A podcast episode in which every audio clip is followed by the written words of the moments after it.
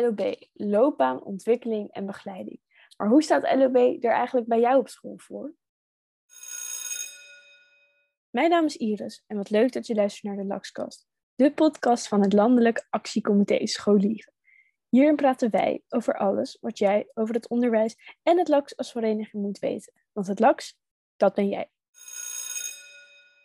Ik zit hier vandaag met Sky van den IJssel. Sky, kan je jezelf even voorstellen?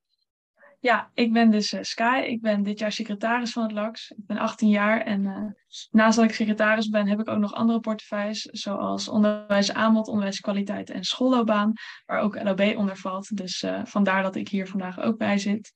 Ja, dus dat ben ik in het kort. Ja, want we gaan het vandaag hebben over de LOB-checklist. We hebben eigenlijk een checklist gemaakt, zodat scholieren kunnen kijken hoe LOB er bij hun op school voor staat. Kan je wat meer vertellen over die checklist? Ja, zeker. Eigenlijk hebben we afgelopen, jaar, uh, afgelopen jaar gewerkt aan uh, twee checklisten. Waarbij we er eentje hebben gemaakt die uh, meer is gericht op echt decanen, schoolleiders en leerlingen. En eentje die echt gericht is op leerlingen en echt leerlingen zelf kunnen langslopen om te kijken hoe LOB bij hun op school is geregeld. En deze checklist is eigenlijk vorig schooljaar al nou ja, begonnen en is toen al een beetje ontwikkeld. En daar zijn wij afgelopen jaar op verder gegaan. Uh, dus we zijn onder andere ook in gesprek geweest met de VO-raad en Beyond over LOB. En uiteindelijk is dus daar deze checklist uit voortgekomen. Waarbij scholieren dus kunnen kijken van hoe staat LOB ervoor op mijn school en hoe zou ik het kunnen verbeteren. Ja, en extra leuk eigenlijk hè, aan de checklist is dat we hebben ook een, uh, samen met dus de VO-raad en Beyond een checklist gemaakt. Dus de LOB-checklist voor decanen en schoolleiders. Um, en ze komen ook heel erg overeen. Dus uh, misschien staat er op de ene wel uh, over, gaat het over een portfolio, uh, maar staat het bij die voor de leerling dan bijvoorbeeld ook weer over een portfolio. Dus zo is het ook de mogelijkheid om die eigenlijk heel goed naast elkaar te leggen. Dus ja, dat, en vandaag gaan we dus wat dieper in op de leerlingenchecklist voor LOB. Um, een van de punten die erop staat, Sky, is bepaal jezelf al mee over LOB. Wat bedoelen we daar eigenlijk mee? Nou, er is natuurlijk een bepaald beleid op elke school over hoe LOB er daar aan toe gaat. En um, het is, kan natuurlijk zo zijn dat leerlingen daarover mee kunnen praten als dat beleid bijvoorbeeld wordt herzien of uh, om te kijken of dat beleid wel goed beleid is. En eigenlijk gaat dit punt over of leerlingen op een school inspraak hebben over, uh, nou ja, over hoe LOB er aan toe gaat. Of ze het ook aan kunnen geven als ze vinden dat ergens iets beter zou moeten. Um, dus ja, of, of leerlingen er echt bij betrokken worden of dat een school het echt helemaal zelf bepaalt. Daar is dit beetje voor. Ja, en stel nou dat een leerling uh, de checklist invult en hem nog niet kan afvinken. Uh, hoe kunnen ze dan wel voor zorgen dat ze in de toekomst hem wel kunnen afvinken en mee kunnen bepalen over LOB? Nou, stel je zit bijvoorbeeld als leerling in een leerlingenraad, dan kun je kijken als je, of je bijvoorbeeld als leerlingenraad een keer contact op kan nemen met een decaan om te kijken van oké, hoe gaat LOB er bij ons op school aan toe en hoe zouden we bijvoorbeeld kunnen zorgen dat wij als leerlingenraad daar wat structureler over mee kunnen praten. Uh, maar ook bijvoorbeeld als je niet in een leerlingenraad zit, dan kun je ook zelf contact opnemen met een decaan. Of je neemt juist contact op met de leerlingenraad om aan hun te vragen of zij bijvoorbeeld uh, erover meepraten. En als dat niet werkt, kun je bijvoorbeeld ook altijd nog naar een afdelingsleider of een teamleider gaan om te kijken van zijn er manieren waarop wij als leerlingen, nou ja, wat meer te zeggen kunnen hebben over LOB. Bijvoorbeeld als ze er niet tevreden over zijn. Ja, en op die manier hopen we eigenlijk ook dat LOB wat interessanter wordt voor leerlingen. Want we associëren toch vaak allemaal met die ellenlange vragenlijsten, waarvan ja. je uiteindelijk toch nog steeds niet weet wat je, wat je nou wil. Uh, maar door als leerling mee te praten over LOB, uh, wordt het misschien ook wel een stuk leuker en interessanter. Ja, zeker. Een ander punt is, doen leerlingen ook praktijkervaring op tijdens LOB? Wat bedoelen we eigenlijk met dat punt van de checklist? Nou, met praktijkervaring bedoelen we eigenlijk um, dat leerlingen niet alleen in een klaslokaal zitten en bijvoorbeeld een vragenlijstje invullen, maar gaan ze bijvoorbeeld ook naar een bedrijf toe om daadwerkelijk daar een keer te kijken van hoe gaat het eraan toe? Uh, of komen er bijvoorbeeld mensen die een bepaald beroep doen ook een keer naar het klaslokaal toe om daar iets te vertellen? Dus gaat het ook wat meer zeg maar, uh, ja, in de praktijk. Maar Iris, zou je misschien nog iets verder kunnen uitleggen wat specifieke voorbeelden hiervan zijn? Of uh, wat je kan doen als dit nou ja, nog niet zo goed gebeurt? Ja, nou, allereerst specifieke voorbeelden hiervan zijn. Hè, wat ook in de checklist zelf staat, is: uh, ga je wel eens op bedrijfsbezoek? Ga, loop je wel eens een stage? Uh, leer je misschien hoe je een sollicitatiebrief moet schrijven, dergelijk.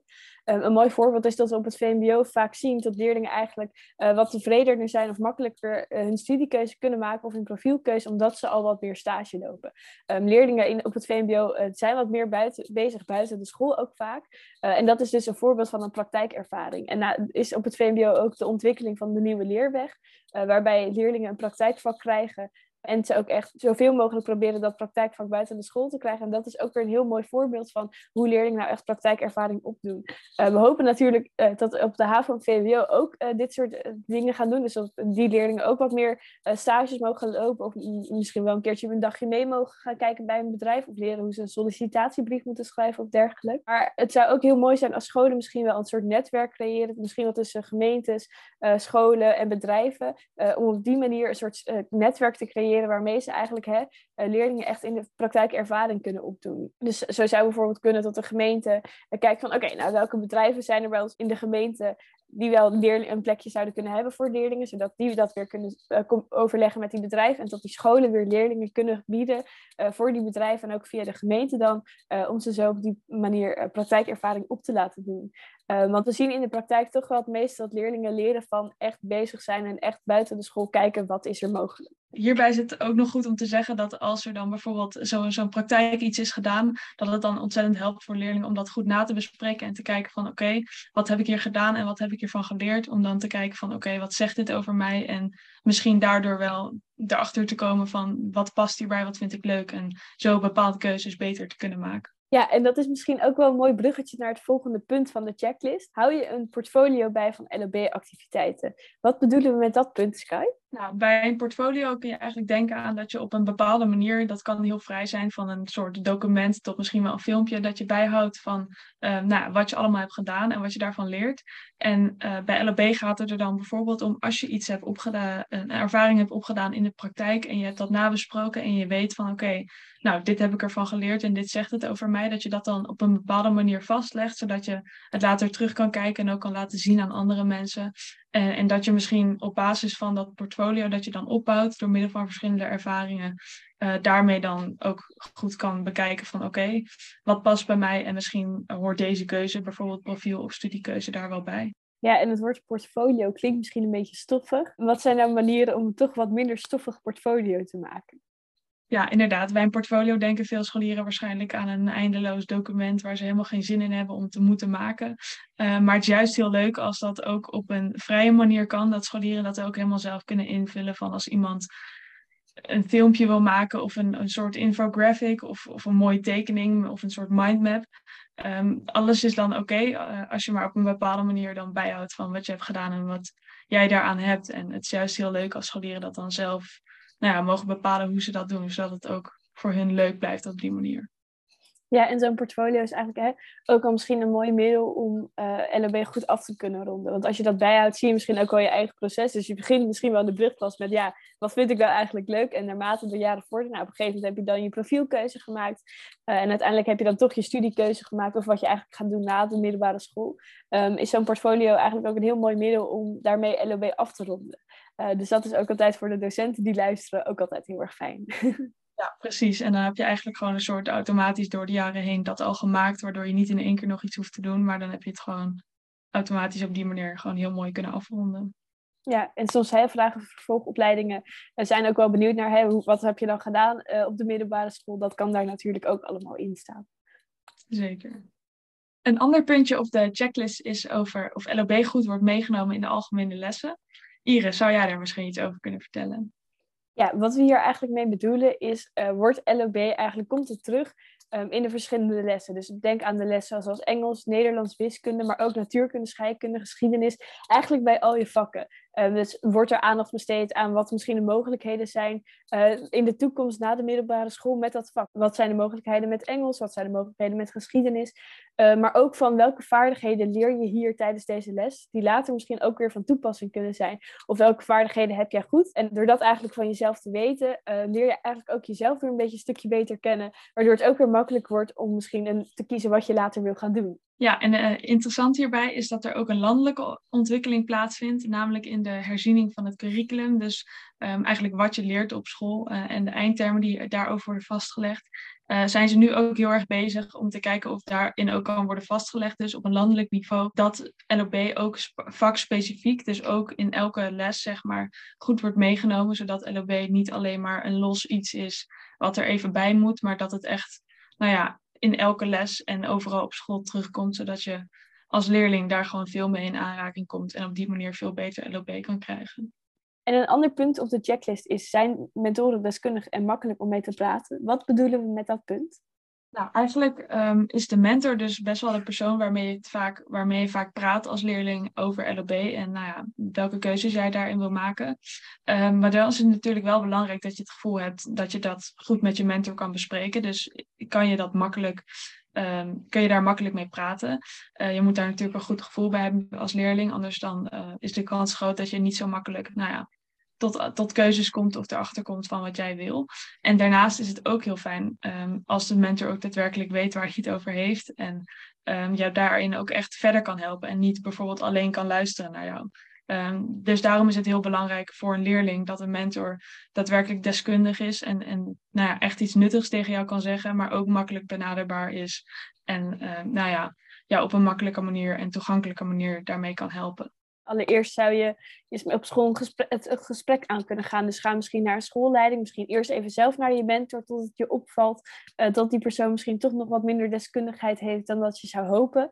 Um, en misschien kunnen jullie samen kijken naar een oplossing. En misschien ook wel kijken van oké, is dit een probleem wat eigenlijk in de hele school speelt? Uh, of is dat alleen bij mijn eigen mentor? Uh, maar het is natuurlijk best wel een grote stap, dat kan ik me ook voorstellen. Uh, maar ga vooral het gesprek daarover aan op school. En kijk of er misschien een extra training of iets kan worden gegeven aan die docenten en aan die mentoren. Om te kijken hoe zij hun vaardigheden hierin kunnen verbeteren. Zodat zij uiteindelijk jullie ook weer beter kunnen begeleiden met LOB bij jullie op school. Tot slot is een van de punten op de checklist nog, uh, weet jij wat je klasgenoten vinden van LB? En dat sluit eigenlijk ook weer heel erg mooi aan bij wat we helemaal aan het begin zeiden. Uh, dus als jij als leerlingenraad mee wil praten over LB en hem mee wil kijken van hoe gaat het met LB op school. Bij ons op school is het natuurlijk ook heel belangrijk om te weten wat je klasgenoten daarvan vinden en wat eigenlijk de andere leerlingen bij jou op school ervan vinden. Sky, hoe kan je nou uh, de stem van leerlingen en klasgenoten vragen over LB? Ja, nou, zoals Iris net al zei, is dus um, waar we het op het begin al over hebben, dat perspectief van leerlingen op LOB ontzettend belangrijk. En daarbij is het dus ook belangrijk dat, stel je zit bijvoorbeeld in een leerlingenraad, dat niet alleen de leerlingenraad daar iets over te zeggen heeft, maar dat uh, die ook de stem van andere leerlingen kunnen vertegenwoordigen. En daarvoor kun je bijvoorbeeld, zoals ook in de checklist staat, bijvoorbeeld een keer een enquête uitzetten. Kijken of je dat door de hele school kan verspreiden. Of, rondgaan in klassen, om gewoon eens te gaan vragen aan leerlingen van, wat vinden jullie nou van LOB?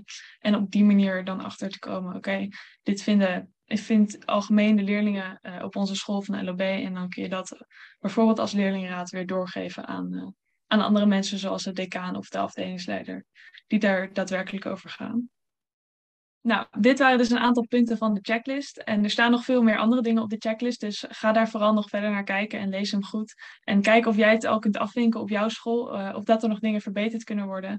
En natuurlijk kan je ook samen met je decaan gaan kijken hoe LOB er bij jou op school voor staat. Geef je decaan de checklist voor de docenten uh, en de decanen en de schoolleiders. Die is te vinden in de omschrijving van de podcast. Uh, en leg ze naast elkaar en zo kunnen jullie samen met z'n allen LOB verbeteren bij jou op school.